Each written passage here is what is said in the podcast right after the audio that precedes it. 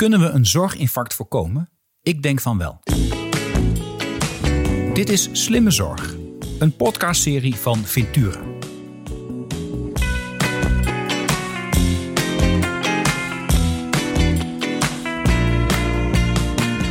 Mijn naam is Arno Rutte. In deze podcast spreek ik bestuurders, specialisten en patiënten over de uitdagingen in de zorg. In ons vergrijzende land is het behouden van goede zorg voor iedereen een grote uitdaging. De vraag naar zorg neemt toe en verandert. Het aantal mensen dat zorg kan leveren kan niet toenemen. Als we niets doen, loopt de zorg vast in een zorginfarct. En daar maak ik me druk op. In deze podcast ga ik samen met mijn gasten op zoek naar de oplossingen waarmee we het zorginfarct kunnen voorkomen. Mijn gast van vandaag is Jan Tebbens. Jan is werkzaam als senior projectmanager digitale zorg bij zorgverzekeraar Mensis. Hij is verantwoordelijk voor het initiëren en opschalen van innovatieve digitale oplossingen voor de zorg.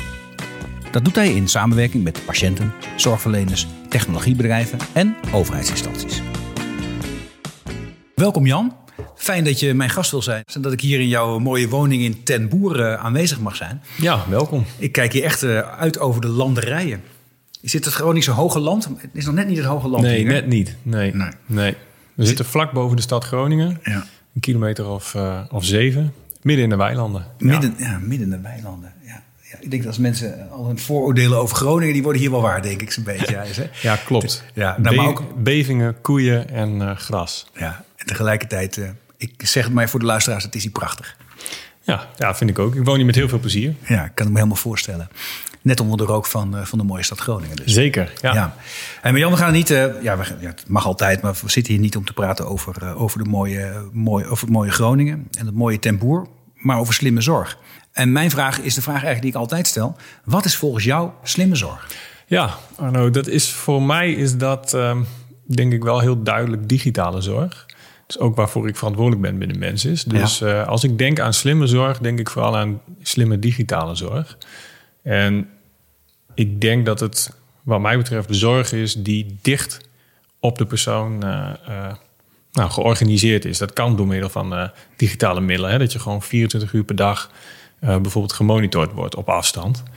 En dat vind ik bijvoorbeeld heel slim. En dat vind ik ook echt van toegevoegde waarde. Want dat, dat heeft de, nou ja, zeg maar de, de oude zorg heeft dat niet. Hè, dan, ja, tenzij je in een, in een ziekenhuis continu aan de, aan de meters ligt. Maar dit biedt ook de kans om dat op een slimme manier thuis te doen. Dat is voor mij echt eh, slimme zorg. En slimme zorg kan dan ook echt tot gevolg hebben dat organisaties ook heel anders eh, ingericht worden. Dus zorgorganisaties en zorgprofessionals ook echt anders gaan werken. Dus het gaat voor mij verder dan alleen een, een appje.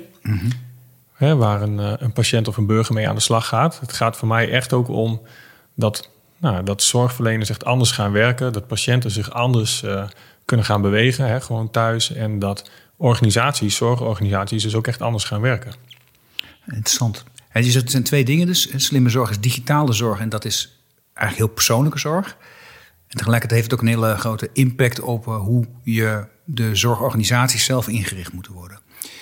Zullen we het eerste hebben? Je zegt digitale zorg, dat is eigenlijk hele persoonlijke, hele warme zorg.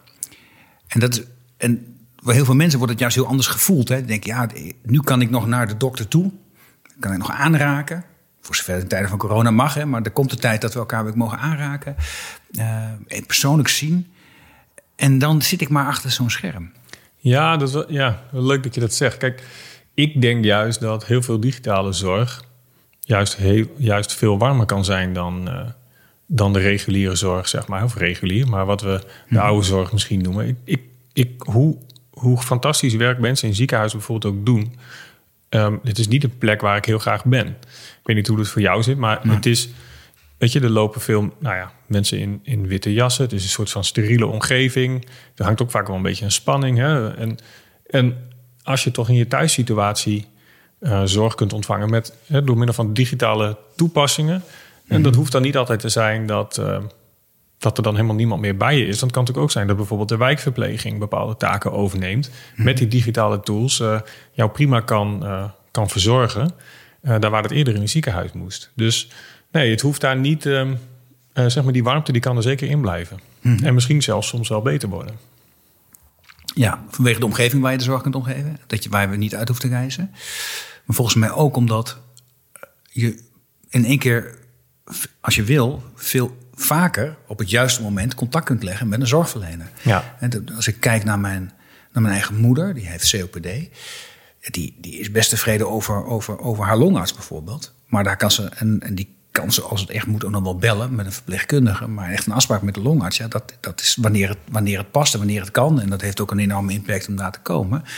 Terwijl met, met, met digitale middelen je vaak op het moment dat het echt nodig is, heel snel een verbinding kunt krijgen en iemand Ja. met je mee kan krijgen. Ik herken dat heel erg inderdaad. Dat wat jij zegt, dat herken ik ook van interviews die wij met, eh, nou, met patiënten hebben gedaan. En dan zie je gewoon juist dat de mensen die in zo'n programma zitten, hè, bijvoorbeeld eh, zo'n vaak telemonitoring programma, dat mensen op afstand gemonitord worden, daar juist heel, eh, zich heel goed bij voelen. En omdat ze, omdat ze veel meer in de, zelf in de lead zijn en zelf contact kunnen opnemen als zij vinden dat dat nodig is. En, eh, en andersom is het natuurlijk ook weer zo dat omdat je zo, zo goed gemonitord wordt, ehm, dat als er, wanneer er iets aan de hand is, hè, er, er wijkt iets af, dat ook een zorgverlener veel sneller kan, eh, eh, actie kan ondernemen. Dus het gaat ook twee kanten op. Ja, Dus dan is de zorg niet alleen warmer, maar op zo'n moment ook beter. Omdat Ja, je op het ja. juiste moment interveneert in, eh, en op het moment dat het nog niet geëscaleerd is. ja kijk, het is natuurlijk. In de, het is, de werkelijkheid is natuurlijk niet zo zwart-wit. Want als iemand natuurlijk in een ziekenhuis ligt en altijd aan de meters ligt, ja, dan, dan ben je ook 24-7 ben je, hè, ben je iemand aan het monitoren. Maar het is eigenlijk meer de situatie van iemand. Bijvoorbeeld, jij vertelde het, eh, het voorbeeld van je moeder. Die is dan grotendeels thuis en die moet dan waarschijnlijk een paar keer per jaar. Of hoe vaak moet ze naar, hoe vaak moet ze naar het ziekenhuis gemiddeld? Ja, ik, ik denk, ik, ik dacht zo'n zo'n drie keer per jaar Ja. iets in die richting. Als, Ja. Om voor een reguliere, misschien Ja. twee keer. Ja, dat is dan drie keer per jaar. En ehm, met COPD dus ook nog eens een keer... Als je hier nu naar buiten kijkt, het is best mistig weer volgens mij. En, eh, en dat is bijvoorbeeld voor COPD-patiënten is dat soms al een probleem. Dat je, als je naar buiten gaat in, in de mist en je moet dan gaan reizen... dat is een enorme belasting. Ja. En ehm, dat, eh, dat heb je dan natuurlijk eh, niet als je gewoon vanuit huis... dat contact met je, met je zorgverlener kan hebben. En, Ja. en, en drie keer per jaar, dat is... ehm, nou, als je dan dus dan aankomt bij de, eh, bij de specialist in het ziekenhuis, bij de longarts. Ja, en je hebt die hele reis achter de rug en, en het is mistig. Ja, is dat, een, zeg maar, is dat een representatief beeld van hoe het op dat moment met je gaat? Terwijl wanneer je thuis in een soort van rusttoestand bent, Ja. dan ben je misschien wel veel beter te, mo- te monitoren. En het is dus, ja, mijn punt is, dat is echt een momentopname. Het zijn eigenlijk drie momentopnames in een jaar. En als je vanuit thuis gemonitord wordt, is het gewoon nou, 24-7. Dan heb je een compleet, eh, compleet beeld. En ja, dat, dat is inderdaad beter. Ja. Waarbij duidelijk is, het, op het moment dat het echt escaleert, je juist dan wel Zeker. fysiek een arts moet zien. Hè? Zeker. Dat, Nee, er dan is nooit vervanging van. Nee, dat staat inderdaad buiten kijf. Weet je, het is altijd, wanneer er echt problemen zijn, acute problemen, dan moet er nog steeds gewoon altijd direct, eh, eh, nou ja, dan moet iemand gewoon naar een dokter toe. Ja. Dan moet gewoon naar het arts of naar het ziekenhuis of moet de huisarts ingrijpen. Of, Ja. ja. Maar goed, dus- dus als je kijkt naar de, naar, de, naar, de, naar, de, naar de warmte van de zorg, de persoonlijkheid, zeg je het is in je persoonlijke omgeving. Dat lijkt toch een pre. Eh, het is, je wordt ook gezien in je persoonlijke omgeving, dus dat, daardoor is de kwaliteit ook niet slecht. En je kunt veel contactmomenten hebben op het moment dat het te doet. Dus voor de vormen van zorg waar dit kan, hoef je niet aan te twijfelen of het, of het, of het ook warme en persoonlijke zorg is. Klopt, ja. Wat mij betreft eh, zeker. En kijk, wat ik er ook slim aan vind, is dat wanneer je continu iemand, eh, zeg maar, continu gegevens hebt van een, van een patiënt, of die, dus een continue stroom, of in ieder geval een regelmatige stroom, hè, meer dan drie keer per jaar, dat biedt ook heel veel mogelijkheden. Want er zijn natuurlijk enorme hoeveelheden data ook, waar je weer, waar je weer als, eh, als wetenschapper weer misschien onderzoek mee kan doen, hè, als een patiënt daar tenminste toe, toestemming voor geeft. Dus het biedt ook nog een enorme kennis, die hele datastroom. En je zou er in de toekomst ook, je zou bijvoorbeeld bepaalde voorspelmodellen op los kunnen laten en kunnen zeggen, hey, als we dit patroon zien in de data, dan weten we waarschijnlijk al dat er over, over bij, gemiddeld bij mensen over een week of vier eh, zich problemen gaan voordoen. Dus weet je, daar zit ook die, die slimheid in. Dat Ja. die, die data die dat genereert, die biedt ook een enorme, enorme kans om, om die slimme zorg eigenlijk nog weer slimmer te maken. Ja, precies. Je, je, je leert van die data en maakt de zorg daarmee steeds slimmer. Ja. Dat kan, met digitale zorg is dat makkelijker, want het is, het is al digitaal. Dus het is al data en dus kun je makkelijk analyseren. Mits je natuurlijk aan alle privacy waarborgen en dergelijke. Nee, precies. En dat, dat is natuurlijk het belangrijkste. Hè? Dat een patiënt daar actief eh, toestemming voor geeft. Want eh, het kan niet zo zijn dat je achter de rug om van een patiënt met die data aan de haal gaat. En het is denk ik ook belangrijk dat je dat niet zomaar. Hè, dat, eh, nou, die data moet niet op straat liggen, maar ook allerlei uh, commerciële bedrijven hoeven daar ook niet zich mee te bemoeien. Dat kan gewoon iets zijn wat door, binnen de zorg inderdaad plaatsvindt. Ja.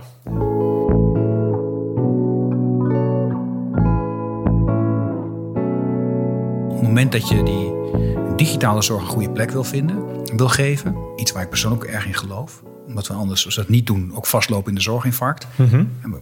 de, de professionals raken gewoon op. En ook in een razend tempo. We zien nu in de coronatijd een soort, ja, tussen aanhalingstekens maatschappelijk experiment van hoe de Ja. zorg, zorgverhoudingen er over tien jaar uitzien. Ja. Ik denk dat het niemand bevalt met uitgestelde zorg en eh, Nee, nee, precies. Dus we hebben wat te doen. En digitalisering van zorg zou zeker een oplossing kunnen zijn. Maar dat gaat niet vanzelf, weet ik uit de praktijk. Ik denk dat jij dat ook weet, want jij, jij namens mensen doet projecten in de zorg om Ja. die digitalisering voor elkaar te krijgen. Je gaf al aan, de zorg zelf moet ook, de inrichting van zorg moet enorm gaan veranderen om dit te kunnen gaan doen. Wat zijn, wat zijn de dingen waar je zoal tegenaan loopt? Ja, als het inderdaad vanzelf zou gaan, dan, eh, dan was ik overbodig geweest. Dat, dat klopt wel.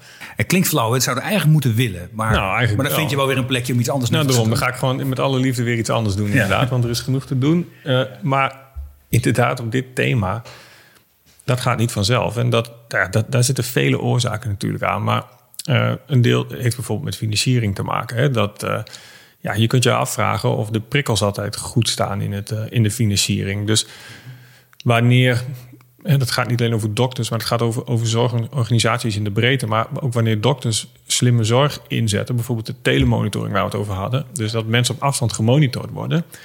Dan, dan ziet een dokter dus de patiënt minder vaak op de poli. Dat doet iets met, ehm, nou, met het bedrijfsmodel eigenlijk van, die, eh, van het ziekenhuis en van die dokter of Ja. van het MSB. Hè. Dus dan, ja, dat zijn uitdagingen waar wij dan weer voor nodig zijn eh, als mensen, is om over mee te denken. Over ja, hoe lossen we dat op? Ja. Ergens gaat het natuurlijk ook, eh, als we zeggen van ja, wij hebben hè, personeelstekort is een, is een probleem. Ehm, zorgkosten is een eh, probleem, maar met Ja. name dat, hè, want die zorgkosten die blijven natuurlijk maar stijgen. Maar ja, goed, dat is uiteindelijk ook een keuze. Hè. Als we zeggen van dat, dat accepteren we dat die zorgkosten gaan stijgen, dan gaan we gewoon meer premie betalen met z'n allen. Dat zou Ja. nog kunnen. Maar het probleem van, van, eh, van op de arbeidsmarkt, zeg maar, dat is niet iets wat je zomaar eh, oplost. Nee. Ik geloof bijvoorbeeld niet in dat we gewoon maar kunnen gaan zeggen van oké, iedereen heel veel geld erbij en dan is het probleem vanzelf wel opgelost. Hè, Nee, qua- daar wordt te makkelijk loon. over gedacht. Ja. Dat geld wordt ook te makkelijk gedacht, want je kunt de premie wel verhogen. Maar wat je uitgeeft aan premie kun je niet meer aan andere maatschappelijke doelen uitgeven. Kunnen er een hele boom over opzetten. Ja. Hè, maar ehm, het gaat al gauw over heel grote bedragen in de zorg. Miljarden, ja, die steek je dan niet meer in onderwijs, niet in veiligheid of wat dan ook. Maar dat, dat is nog een politieke keuze, hoe je het geld Ja, met elkaar verdeelt. Maar die professionals, ja, ook met een zorgbonus van 1000 euro. Zelfs als we alle professionals dubbel zouden betalen in Nederland, dan nog groeien ze niet aan de boom. Nee. Ze raken op. Precies, en, dat, en, en daarvoor hebben we dus die slimme zorg wel nodig om, om het ook gewoon beter te kunnen organiseren. En, ehm, nou ja, de, en waar lopen wij dus zelf tegenaan? Is ja, als je daar dus afspraken over wil maken, hè, want ik zei net van, eh, wij zijn natuurlijk, wij als zorgverzekeraar worden natuurlijk ook geacht, of niet alleen geacht, maar daar staan we ook voor opgesteld om mee te denken over die financiering. Ja. Dus wij gaan met die ziekenhuizen dan in gesprek en met die dokters in gesprek over hoe we die financiering dan kunnen regelen. Ja, en soms doet het dan wel ergens pijn, inderdaad, dat een dokter eh, de zorg anders gaat inrichten en daardoor inderdaad minder mensen op de poli krijgt en daardoor misschien minder omzet haalt. Ehm, maar dat hebben we wel nodig. Eh, want daardoor sp- speel je uiteindelijk ook weer als dokter ook weer tijd vrij om misschien uiteindelijk toch weer die patiëntstroom aan te kunnen en misschien weer meer patiënten te zien. Wat, wat uiteindelijk dan je omzet natuurlijk wel weer eh, op peil brengt. Maar ehm, ja, dat, dat, is, dat is de taak ook waar wij voor opgesteld staan. Dat wij dus die afspraken maken met die, eh, met die ziekenhuizen. Nou, dat doen we nu eigenlijk Hè, dat hoor je natuurlijk gewoon overal om je heen. Andere zorgverzekeraars doen het ook, maar dat doen we vooral in meerjarenafspraken. Waar we vroeger, vroeger, maar een jaar of eh, zeven geleden, denk ik, een jaar of tien geleden, toch vooral ieder jaar afspraken maakten. Doen we dat nu voor een wat langere periode met, de met de huizen. En dan proberen we hier goede afspraken over te maken. Ja, en dat, die zijn dan meer in de categorie dat je zegt, joh, ehm, ehm, we willen graag dat je deze ontwikkeling doorgaat, die digitalisering doorgaat. En het feit, en de minder hoeveelheid patiënten op je poli, dat, dat voel je volgens nog niet in je portemonnee. Dat kan je dan of door het langjarig te doen, of nou ja, dan maak je in die richting maak je dan afspraken. Nou, dat zijn inderdaad van die meerjarenafspraken. En, en we hebben natuurlijk ook met elkaar afgesproken dat er, eh, dat er transformatiegelden bes- beschikbaar zijn. En dat zijn de, de gelden waaruit dan uh, zo'n project bijvoorbeeld gefinancierd kan worden om het op te zetten. Ja. Maar ja, transformatiegelden zijn dan weer niet voor bedoeld om voor, op voor de lange termijn zeg maar, alle gaten dicht te stoppen voor een, uh, voor een ziekenhuis. Nee, inderdaad, even voor de luisteraar, die transformatiegelden, hè, die, die zijn er gekomen aan de naar aanleiding van politieke afspraken dat ziekenhuizen zelf niet verder mogen groeien. Ja, hoofdlijnakkoorden. Hoofdlijnakkoorden heet dat. De zorg moet dicht bij huis worden georganiseerd. Uh, dat vinden we inhoudelijk dan prettig. Of we, hè, politici, in de tijd dat ik zelf daar mede voor verantwoordelijk was. Maar dat zijn, en dat gaat ook om veel geld, ik geloof zo'n 450 miljoen euro. Maar die is echt bedoeld voor projectgeld. Om de verandering door te kunnen maken. Ja. En daarnaast heb je het structurele geld, gewoon de betaling richting zorgverleners. Uh, die betaal je niet uit dat projectgeld. Nee, klopt. En je wil juist structureel ook die verandering brengen. Ja, want het, het doet nogal wat. Hè? Met, kijk, we hebben het nu best wel over ziekenhuizen, maar dat geldt natuurlijk voor, voor, voor de hele zorg. Maar met name die transformatiegelden zijn dan bijvoorbeeld in dit geval, hebben we het dan even over ziekenhuizen, die als ze gaan veranderen en ze willen bijvoorbeeld dat telemonitoring inzetten, hè, dat gebeurt al op heel veel plekken, maar je wil dat steeds meer plekken weer doorvoeren, dan organiseer je de zorg echt anders. Hè. Dat, dat, dat doet iets met zo'n, met zo'n afdeling. Want ineens, um, nou, je ziet bijvoorbeeld plekken waar eerder verpleegkundigen bepaald werk doen. Dat wordt nu bijvoorbeeld door een medisch service center op afstand wordt het geregeld. Dus daar zitten ja. mensen aan de telefoon in het medisch service center. Er zijn verpleegkundigen aan de telefoon en die kunnen uh, telefonisch hulp bieden, maar ook heel vaak via, via die beeldzorg. Hè? Met, die, mm -hmm. met, met, een iPad of met een, uh, met een webcam. En um, ja, dat is. Uh, uh, maar dat, dat, dat doet echt iets met die, met die organisatie. Dan moet je.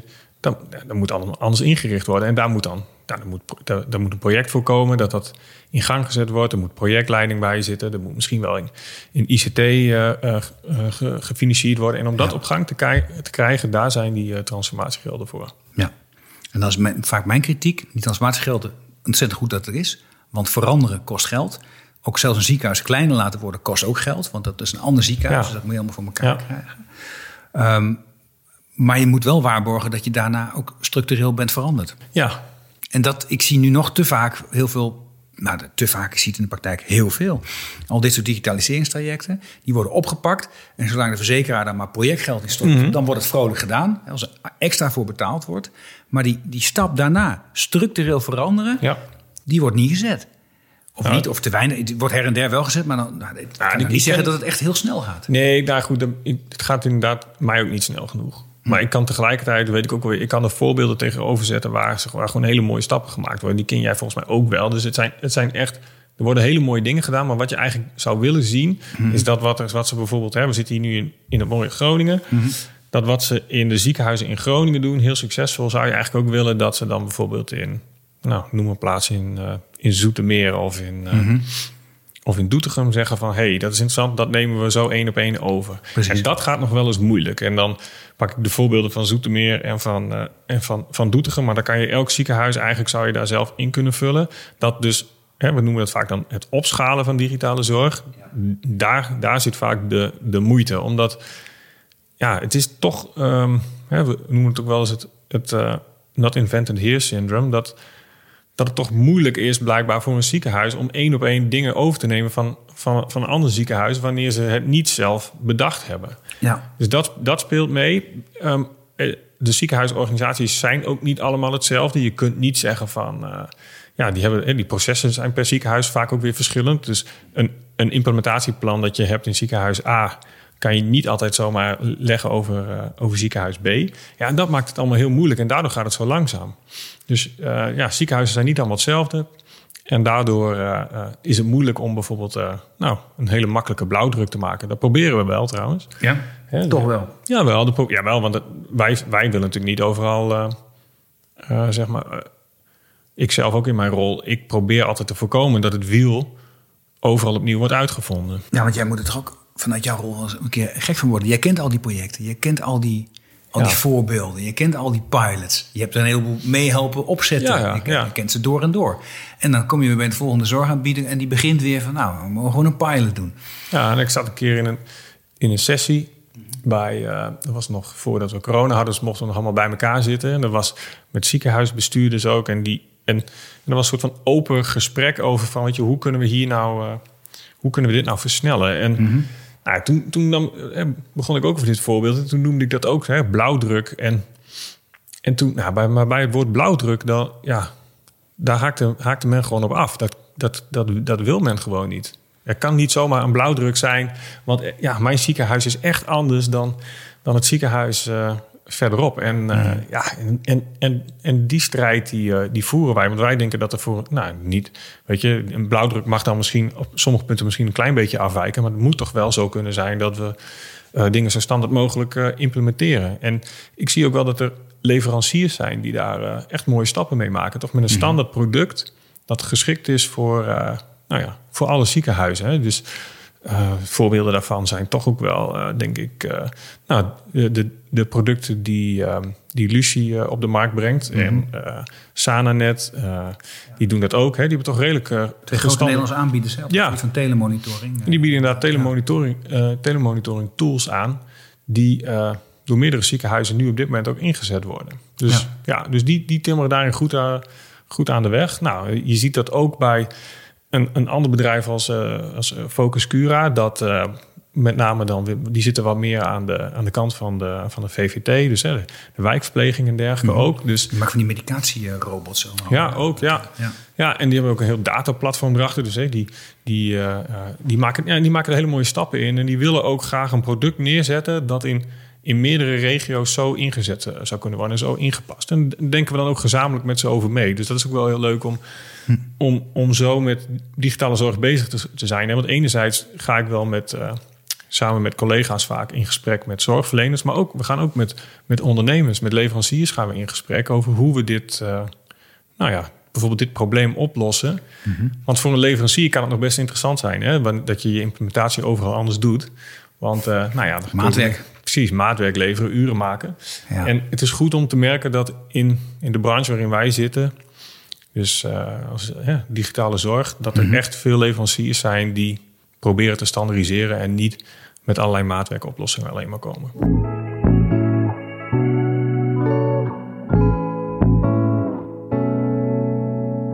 Dus dat je, dat je dingen moet inregelen en dat je daarvoor een pilot wil doen van, met de vraag: hoe kan ik dat bij ons laten werken? Hoe moet ik dat dan inrichten? Dat snap ik nog wel. Waar ik meer moeite mee heb, is, is dat al die pilots die, in de, die dan gedaan worden, dan mhm. blijkt dat het werkt. Dan blijkt wel dat je inderdaad daardoor minder patiënten ziet. Misschien dat die contractafspraak met die verzekeraar dan niet helemaal direct achteraan komt zoals, zoals, zoals gewenst. En dan houdt de pilot gewoon op. En dan, houdt, en dan verdwijnt die digitale zorg. Terwijl iedereen eigenlijk zou zeggen, patiënten tevreden. Vraag je een arts, werkt het? Ja, het werkt. Um, maar dan zijn er dus kennelijk heel andere belangen die de verandering tegenhouden. En ik heb een jaar geleden, toen ik nog politicus was, nog een motie over ingediend in de Tweede Kamer. Waarin ik daar ook uit een soort van frustratie. En ik zeg, joh, binnen vijf jaar moet. Oh, of wacht, drie jaar, ik weet de termijn niet eens meer. Mm uh, in ieder geval een redelijke termijn gaf ik. Overal waar blijkt dat die standaardzorg werkt ja. en goed is voor patiënten, moet die ook beschikbaar zijn. Ja. Ik geloof, en ik, ik geloof nog niet dat het rond is. Ondanks alle goede Nee, volgens mij ook niet. En, en, wat staat dan in de weg? Dat blijft toch lastig. Josette Fijneman van Zilveren Kruis die zegt... misschien moeten we aan de kant van de patiënten wat meer gaan duwen. Moeten we patiënten een zorg, digitaal zorgrecht geven. Ja, Zou dat wat zijn? ja, dat vind ik heel mooi. Ja, hm. ja kijk, sowieso... Ik, kijk, voor, ik werk nu ongeveer tien jaar bij Mensis. En daarvoor mhm. zat ik in, in, een hele andere hoek. Hè. Ik zat uh, meer aan de retailkant en... Uh, ik zat in de, in de reisbranche en in de reisbranche, mhm. daar is een enorme omslag gemaakt in van stenen reisbureaus naar nou, naar, naar, digitaal, uh, naar digitaal aanbod, maar gewoon ook die hele digitale. Ja, dat echt voor mij op die, op die, op die overgangsperiode, toch? Ja. Uh, dat reisbureau waar je werkte, daar ging ik vroeger als student nog wel naartoe. Ja, en dan wist ik nog precies waar het zat. In de Gelkingenstraat of in de Ooststraat, even bij. Nee, in de Volkingenstraat. De Volkingenstraat. In de Volking. Nou, in ieder geval een van die straatjes. Groningen, midden in het centrum is dat. Ja, inderdaad. Nou, en, dat was altijd een hele oploop. Zo, ja, uh, dat was vroeger dus een, een reisbureau waar je binnen kon lopen. tot het moment dat de eigenaar zag van, nou weet je, het internet, dat dat is wel iets. Mhm. Daar moeten we iets mee. Dus wij gaan ons aanbod helemaal digitaal uh, beschikbaar maken. En, en, toen ging het reisbureau gewoon, gingen we de deuren sluiten en gingen we alles via het internet verkopen. Je ziet daar een branche die dus helemaal digitaal is getransformeerd. Ja, ja en, en, en waarom ik dit zeg, is, er komt een beetje door wat jij zei van uh, ja, die klantwens, hè, die zou je mhm. eigenlijk veel meer naar voren moeten halen. Dat zag je dus in die, in die reisbranche. Op een gegeven moment is die klant er helemaal klaar voor om om dat gewoon allemaal online te regelen. Dat willen ze ook graag. En de prijs is beter. En alles is, alles is eigenlijk handig en beter. En ze, en ze beginnen die gemakken te zien. En dan zie je dat, ze, dat dat heel natuurlijk gaat. Dat die, dat die stenen reisbureaus dan langzaam verdwijnen. Ja. ik noem het nu heel natuurlijk voor die ondernemers was het natuurlijk allemaal is het, was dat heel pijnlijk. Maar ja, dat is een commerciële markt. Die vallen op een gegeven moment om. En dan, uh, nou ja, dan is dat een soort van shake-out die in de markt plaatsvindt. En, en dat mechanisme, dat hebben we niet in de, in de zorg. Nee. Dus het is helaas, nou ja, helaas, ik, ik wens niet de stenen ziekenhuizen dat ze failliet gaan, helemaal niet. Maar um, wij, wij hebben niet dat de patiënt of de burger zegt van... oké, ik maak nu een keuze voor digitale zorg. En dat kan ik gewoon bijvoorbeeld nou, bij een organisatie die dat landelijk levert... kan ik dat, uh, kan ik dat afnemen en ik hoef niet meer naar de dokter hier om de hoek... of, uh, of naar uh, de fysiotherapeut hier om de hoek. Het is wel een beetje in opkomst, maar het gaat heel langzaam. En je zou eigenlijk willen dat we de, de patiënt en de burger daar nou, nog meer in stimuleren eigenlijk. Dus dan is een digitaal zorgrecht dat je in ieder geval afspreekt. Als iemand vraagt om digitale zorg, dan moet het ook beschikbaar zijn. Dat zou kunnen helpen. Ik sprak een paar podcasten afleveringen geleden met Leonard Witkamp van Xios. Ja. Ken je misschien wel. Mhm, ja. Die zit anders in de wedstrijd. Hè. Die zegt, ik ben die grote digitale aanbieder. En misschien moeten verzekeraars gewoon wat meer lef tonen. En zeggen, joh, ik koop het gewoon in bij Xios. Dan betaal ik misschien een tijdje dubbel. Want ik kom van dat contract bij het ziekenhuis niet af. Maar ik heb het vertrouwen dat die patiënten wel bij mij komen. Ja. Dat is een beetje jouw eh, verhaal van net. Ja, dat klopt. Zit daar wat in? Ja, dat zit wel wat in. Ik kan me voorstellen dat jij niet over de contractonderhandeling van mensen wil vertellen. Hoor. Daar gaat het niet oh, om. maar het gaat even om het, om het, idee, hè? Ja, nou, ik, kan er, ik, zou er misschien zou ik wel over willen vertellen. Ik ken natuurlijk ook niet al die contracten. En ik doe die contractonderhandelingen met ziekenhuizen en dergelijke. Die doe ik ook helemaal niet. Dus, en dat uh, is ook complex, want verzekeraars hebben zorgplicht, hè? Precies. Dus je, je moet ook zorg leveren. En nou, wij moeten gewoon in de regio's waar mensen is... Uh, vooral actief is. En we zijn natuurlijk een landelijke verzekeraar, maar in bepaalde regio's uh, zijn wij dan uh, uh, marktleider. En, mm -hmm. en, en daar, we inderdaad, uh, daar moeten we ook zorgen dat die zorg fysiek ook beschikbaar blijft. Ja. Maar tegelijkertijd, weet je, we zijn natuurlijk ook wel naar het kijken naar dit soort uh, online concepten. Mm -hmm. hoe we dat steeds verder naar, voor het voetlicht kunnen brengen. Wat we bijvoorbeeld nu hebben, wat we nu aan het doen zijn, is wij hebben.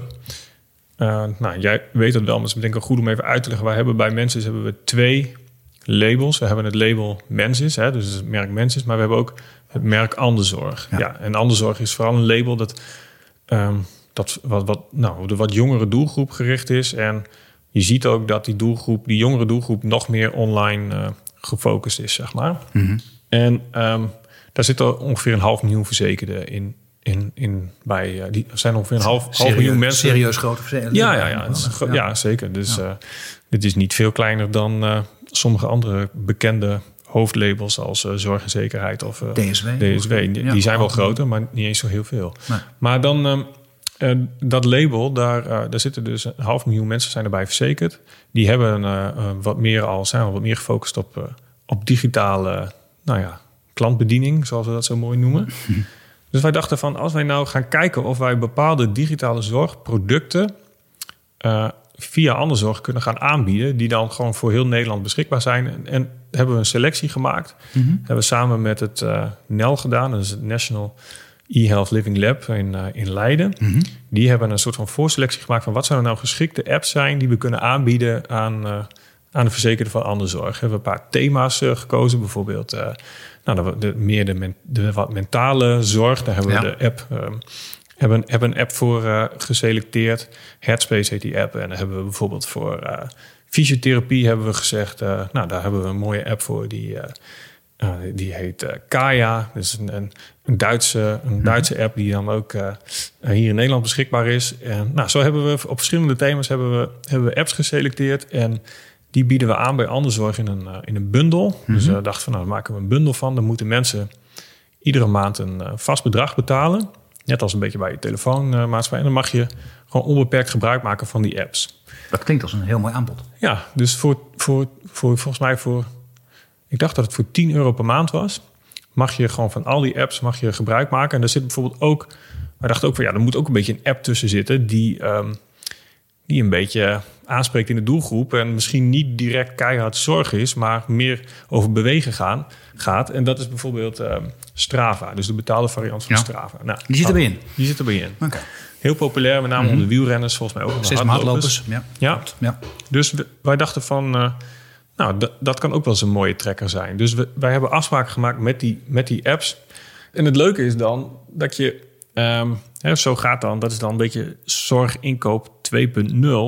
Dat ik samen met een collega een Zoom-meeting heb met iemand in San Francisco. En die is dan van de app Headspace, een Amerikaanse, een Amerikaans bedrijf dat. Uh, en, die app heeft al miljoenen gebruikers. Dus weet je, die hebben hele mooie programma's hoe je beter in balans kunt zijn. Werk-privé-balans. Uh, een stukje een stuk mindfulness uh, zit erin. Voor allerlei zaken zitten erin. Maar daar zitten wij dus gewoon te.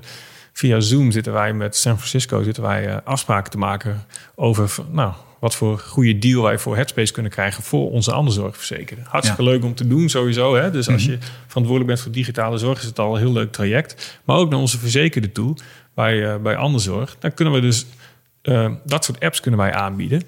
En we hadden dus gedacht dat, uh, dat Strava dat dat misschien, dat, ja, die gaat natuurlijk superveel gedownload worden door die mensen. Maar dat is nog niet eens de meest ge, gedownloade app. Dus die, die eh, met name. Die had, je als, die had je eigenlijk als een soort, soort, soort pool had je ja, ingestopt. Van, nou, soort van, eh, van ja, die, ja dat, dat zal mensen wel extra motiveren om dan ook in te stappen op die bundel. Mm Maar dat, dat, die wordt wel veel gedownload. Maar die, uh, die andere apps, die, die, die, dus die staan gewoon bovenaan. Hè? Dus uh, Headspace bijvoorbeeld, die wordt meer ge, gedownload dan, uh, dan Strava. Nou, dat vind ik dan wel een goed teken. Interessant, want het is nog een keer eigenlijk een vorm van niet verzekerde zorg. Hè. Mensen moeten daar voor betalen.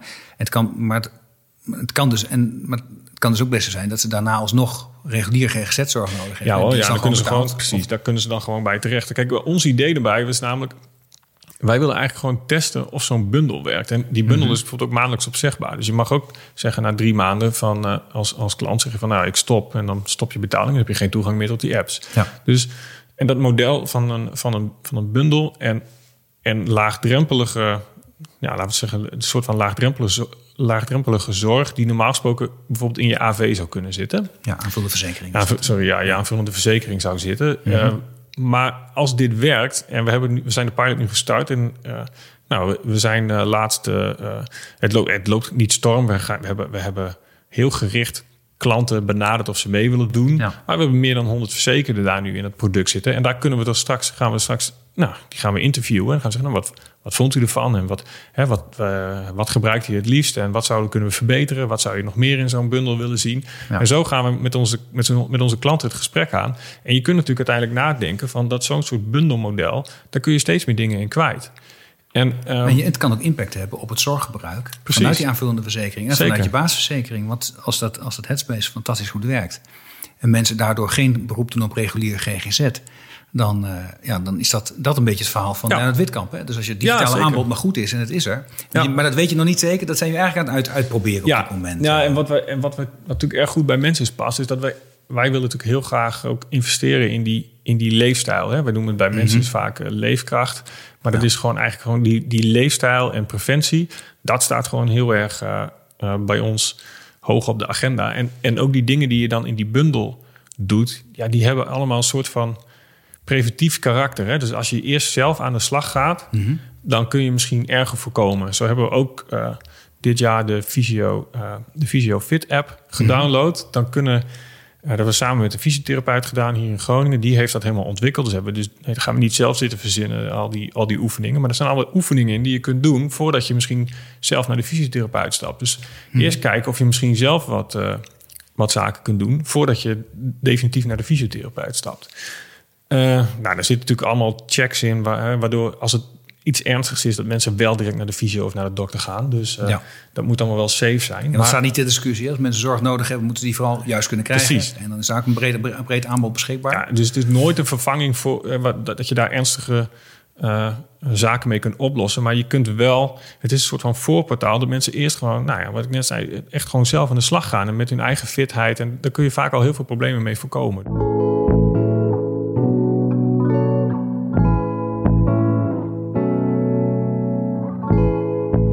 Maar als ik jou heel goed hoor, Jan, dan zeg je nou, maar wij, wij zijn er mensen ook heel bewust bezig om ook een digitaal aanbod naar klanten te doen. Digitale zorg vinden, we, vinden wij slimme zorg.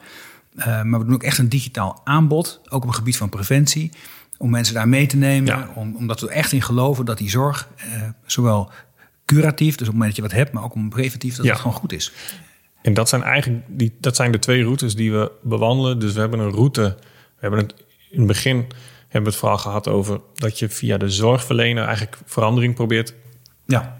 tot stand te brengen. Dus dat de zorgverlener uh, het ziekenhuis, de huisarts, de GGZ, dat dat, die, dat dat soort organisaties gaan kantelen en uiteindelijk ook steeds digitaler worden en slimme zorg gaan bieden. Hoeft ja. trouwens niet altijd digitaal te zijn, maar in ieder geval nee. slimmer georganiseerd worden. Ja. Maar zelf hebben we er ook gewoon een rol in dat wij zelf ons aanbod uh, uh, aanpassen. En dat we bijvoorbeeld, nou, het, wat ik net zei met de, met de andere zorgbundel bijvoorbeeld, dat je, dat je zelf digitale zorg gaat aanbieden. Wat misschien nog net geen zorg is. Hè? Dus het is eigenlijk meer, het is eigenlijk meer preventie. Ja. Maar uiteindelijk wordt die scheidslijn natuurlijk steeds, die wordt steeds dunner. En dat is een interessante, dat gaat interessant worden de komende jaren. Hoe, nou, hoe wij daarin in gaan bewegen. Maar ook onze nou, collega of concurrenten zorgverzekeraars, hoe nou, die daarmee mee omgaan. Het is natuurlijk ook fascinerend hè, hoe um, um, iedereen gewoon met een, met een hele krachtige computer op zak loopt tegenwoordig. Ja. En en hoe, hoe logisch en hoe makkelijk het ook wordt om al deze digitale tools te gebruiken. En dat geldt zeker voor een jonge generatie. Je hebt het over andere zorg, die ook, dat, dat, dat zich primair ook richt op die wat jongere populatie. Mm -hmm. Maar we onderschatten volgens mij ook wel hoe de oudere generatie steeds handiger is als het gaat om dit soort, uh, dit soort apps. Ja. Voor mij zijn ze ook helemaal niet, juist ook helemaal niet ingewikkeld. Dan kun je ze redelijk eenvoudig gebruiken.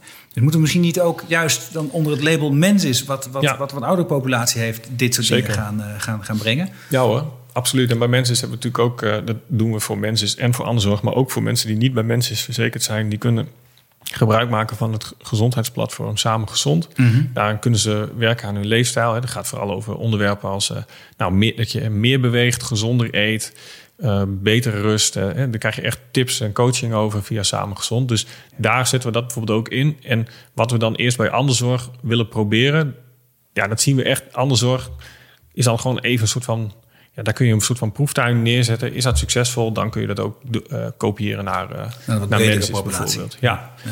En uh, ja, dus dat klopt. Ja, ben ik met je eens. En als je het dan hebt over, over leeftijd, wel grappig dat je dat zegt. Dat, Mm. Ik herken dat heel erg. Dat ik hoor heel vaak ten onrechte dat met name jongeren heel makkelijk omgaan met bijvoorbeeld met digitale zorg, met andere digitale middelen. Dat ouderen daar moeite mee hebben. Dat is gewoon, dat is gewoon, dat is gewoon onjuist als je het hebt over mensen van 90 of zo, hè, of, Mhm. of mensen met bepaalde visuele beperkingen of zo, dan wordt het natuurlijk een stukje moeilijker. En die heb je nou eenmaal meer in de oudere leeftijdscategorieën, gemiddeld gezien. Maar um, um, in Twente wordt daar uh, aan, de, uh, aan, de, universiteit wordt daar een meerjarig onderzoek aan besteed uh, naar digitale vaardigheden bij de Nederlandse bevolking. En je ziet juist dat leeftijd maar voor een klein deel van invloed is op digitale vaardigheden. En dat het met name opleidingsniveau is. Hm. En um, ik heb daar ook vanuit het onderzoek, hè, dan filmen, geven ze mensen een opdracht. En, dat, en er wordt dan gefilmd, geven ze een opdracht bijvoorbeeld van nou, boek, een, boek, een, nou, boek een reis bijvoorbeeld, -hmm. online. En dan zie je jonge mensen die die opdracht krijgen. En ik verbaas me er echt over. Ik was me er nooit van bewust. Die daar gewoon echt niet uitkomen. Er, zijn gewoon, er zitten gewoon jonge mensen bij die dan gewoon in de browser gewoon www.reizen.nl maar als eerste intypen van nou, kijken waar ik. Mm -hmm. nou, en en daar, dat, was voor mij wel een eye-opener. Ik dacht van dus ook in de, echt in de jongere categorieën, mm -hmm. uh, er zijn echt nog mensen die uh, nog, nog onvoldoende digitaal vaardig zijn. En in Nederland zijn we, lopen we best wel voorop natuurlijk, hè, dus qua digitale vaardigheden, dus daar moeten we blij mee zijn. Maar we zijn er nog niet. En het excuus dus door te zeggen, ja, maar ik heb allemaal oude, oude mensen in mijn uh, populatie als zorgverlener, dus ik ga daar niet meer aan de slag. Dat is onterecht. Dat is een, ja, dat excuus kun je niet gebruiken. Nee. nee. Nee, Dus je kunt eigenlijk op elke vorm van zorg, is het, is het uh, of het nou een jonge of een oude populatie, is het altijd even slim of even ingewikkeld om te kiezen voor digitale zorg. Ja, en je kunt dus, um, en je, uh, tegelijkertijd moet je dus altijd oog houden voor mensen die, hè, we hebben in Nederland 2 miljoen laaggeletterden, daar ja. moet je dus oog voor houden. Dat die moeite hebben met uh, nou, met veel, uh, met veel tekst met name. Mhm. Mm -hmm. Dat je ook gewoon, uh, dat je dan bijvoorbeeld instructievideo's uh, maakt. Of dat je, weet je, spraaksturing bijvoorbeeld kan ook uh, een oplossing daarin bieden. Maar dan moet je altijd, altijd rekening mee houden dat die groepen er zijn. Want uh, nou ja, die, anders wordt die kloof steeds groter. Hè? Want die, mensen die lager opgeleid zijn, hebben niet alleen lagere digitale vaardigheden. Kijk, dit is natuurlijk gemiddeld. Hè? Ik, bedoel, ik ben nou een beetje aan het changeren. Niet iedereen die laag opgeleid is, heeft dig lage digitale vaardigheden. Maar nee. gemiddeld gezien zijn die lager, maar ook lagere gezondheidsvaardigheden. Ja. Dus, en die dingen gaan dan dus, als je dus gezondheidszorg en digitalisering bij elkaar brengt, ja, dan, moet je wel zorgen dat je daar goed uh, aandacht voor hebt. Want anders. Uh... Ja, anders versterkt het elkaar. Dan heb jij en onvoldoende digitaal vaardig. En je, en je gezondheidsvaardigheden waren al laag. En dan, heb je twee keer, dan gaat het twee keer misschien. Dan gaat het dubbel op uh, mis. Ja. Ja. Terwijl het ook daar weer een kans ligt. Als je wel iemand heel digitaal vaardig maakt, kan die zorg ook sneller en makkelijker Precies. dichtbij komen. Absoluut. Want op een digitaal platform misschien wel juist extra mogelijkheden om de tijd te nemen, dingen goed uit te leggen, Precies. goed te verbeelden, et cetera. Ja. Interessant. Je klinkt al bijna als een politicus, Jan. Stel nu Mark Rutte, die heeft er eens over nagedacht en die belt jou na de verkiezing. En die zegt: Jan, uh, ik uh, maak me niet uit van welke politieke partij je bent, maar jij bent de man. Wordt onze nieuwe minister van Volksgezondheid. Kijk. En stel jij zegt ja, gaan we er maar even vanuit. Wat zou je dan uh, als eerste oppakken? Ja, nou, ik, ik hoor gewoon nu en ik lees veel om me heen dat er toch wel wat ja, zeg maar, dat, de markt, dat marktwerking in de zorg wel een thema is. Hè? De mensen, mm wordt bijna een beetje een vies woord. En ehm, ja, dat baart mij wel wat zorgen. Want ik denk dat er wat gezonde concurrentie in de, in, de, in de zorgsector en ook tussen zorgverzekeraars, dat, dat, uh, dat het heel goede effecten heeft op, uh, op de zorg in Nederland. Je kunt het ook als je het vergelijkt met andere landen, dan doen wij het hier gewoon hartstikke goed. Er zijn ook een paar uitwassen, misschien waar het niet zo goed werkt. Nou, dan moeten we denk ik uh, gaan fixen, dat soort dingen. Dus uh, samenwerken um, moeten we blijven doen en moeten we ook stimuleren. Dus ja. hè, dat, er, dat, er, dat er gezonde concurrentie is, dat mag niet in, dan mag samenwerking niet in de weg staan. Dus, hè, dus dat moet gewoon goed geregeld zijn. Dus als ik minister zou zijn, dan zou ik in ieder geval ons zorgstelsel, ons mooie zorgstelsel, zou ik zeker uh, in de been houden. Zeg maar, zou ik niet niet te veel aan gaan wijzigen, behalve op bepaalde plekken nog wat verbeteringen aanbrengen. En um, nou, zeg maar, dus niet uh, te rigoureus daarin gaan, uh, gaan schrappen. Ik denk namelijk ook dat dat voor, voor een thema als digitale zorg en slimme zorg, dat dat, uh, nou, dat, dat echt belangrijk is. Dat ook nou, slimme ondernemers, ook in het MKB, er gebeuren zulke mooie dingen. Ja. ook op het gebied van zorgtechnologie. Ja, dat, dat moet, blijven, uh, dat moet blijven komen en dat moeten we blijven stimuleren. En daar hoort toch ook een stukje gezonde concurrentie bij. Dus dat zou ik graag willen behouden als minister. Uh, en dan met de touch door wel die samenwerking zoveel mogelijk uh, te stimuleren. Ja. Nou ja, dat is ook, dat is wel een mooie balans. Hè? Want die, die, de, in het politieke discours wordt dat veel te veel tegenover elkaar gezet. Hè? Het is of samenwerken of concurreren.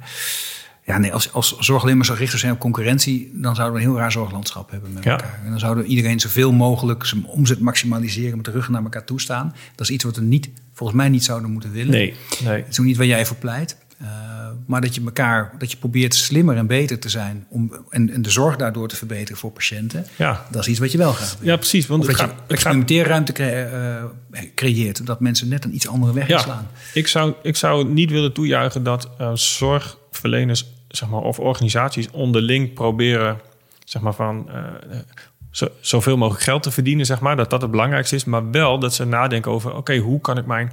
Kan ik die mensen in mijn regio, zo, of misschien zelfs buiten mijn regio, zo goed mogelijk bedienen? Dus dat je, hoe, hoe, hoe maak ik mijn zorg zo ja, die, die slimme zorg, hoe organiseer ik dat zo goed dat mensen daar zo tevreden over zijn dat ze naar mij toe willen komen en dat Ja. ik kan blijven bestaan en dat ik, eh, dat ik meega in de tijd. Ja, en als je geen concurrentie hebt, en, eh, ja, dan, dan is die drang tot vernieuwing, ben ik bang, gewoon echt een heel stuk eh, minder. Dus ik hoop dat we dat kunnen behouden.